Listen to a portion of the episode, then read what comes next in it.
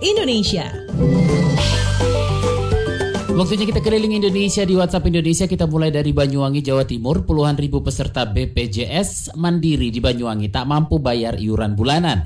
Selengkapnya dilaporkan kontributor KBR Hermawan. Selamat pagi. Ya, selamat pagi. Badan Penyelenggara Jaminan Sosial BPJS Kesehatan Cabang Banyuwangi, Jawa Timur mencatat ada 29 ribu warga yang tidak mampu membayar iuran bulanan. Akibatnya BPJS defisit 105 miliar rupiah. Kepala BPJS Kesehatan Cabang Banyuwangi Wahyu Santoso mengatakan ada 40,9 miliar rupiah iuran yang belum terbayarkan. Warga yang tidak mampu membayar iuran BPJS Kesehatan sebagian besar berasal dari peserta BPJS Mandiri dari golongan kelas 3. Wahyu menduga warga tidak mampu membayar iuran karena terdampak pandemi COVID-19. Wahyu Santoso menghimbau warga yang menunggak iuran agar mengajukan relaksasi atau keringanan melalui program relaksasi.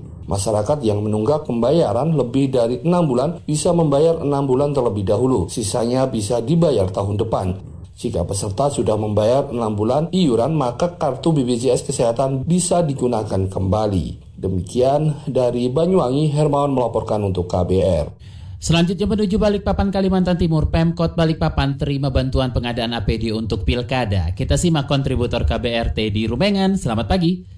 Selamat pagi, pemerintah pusat telah mencairkan dana bantuan untuk pengadaan alat pelindung diri atau APD bagi KPU kota dan kabupaten yang akan menggelar pilkada serentak. Ketua KPU Kota Balikpapan Nur Toha mengatakan pihaknya mendapatkan bantuan sebesar 1,7 miliar dari 13,5 miliar yang diajukan ke pemerintah pusat melalui KPU RI. Menurutnya kemungkinan sisa anggaran baru akan dicairkan sebelum pemungutan suara yang akan berlangsung pada 9 Desember 2020 mendatang. Nur Toha menuturkan karena waktunya mendesak maka dari anggaran 1,7 miliar itu untuk pengadaan APD hanya dilakukan kelola ataupun penunjukan langsung. Karena kata dia nantinya jika anggaran sisa cair baru akan dilakukan lelang untuk pengadaan APD karena waktunya masih cukup panjang. Demikian saya Tiri Rumungan melaporkan untuk KBR. Terakhir kita mampir ke Aceh, terkendala komunikasi UNHCR datangkan ahli bahasa untuk pengungsi Rohingya di Aceh. Kita simak kontributor KBR Erwin Jalaluddin. Selamat pagi. Selamat pagi. Badan PBB yang mengurus pengungsi UNHCR akan mendatangkan ahli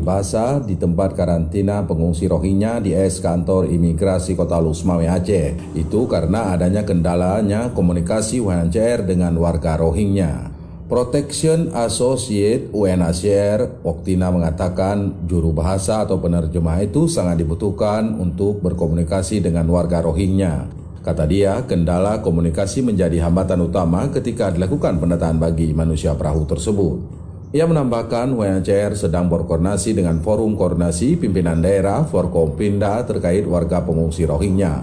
Menurutnya, keseluruhan sejumlah warga negara asing WNA itu berjumlah 99 orang, yaitu terdiri dari 48 perempuan, 17 pria dewasa, dan 34 anak-anak. Demikian saya Erwin Jalaluddin melaporkan untuk KBR.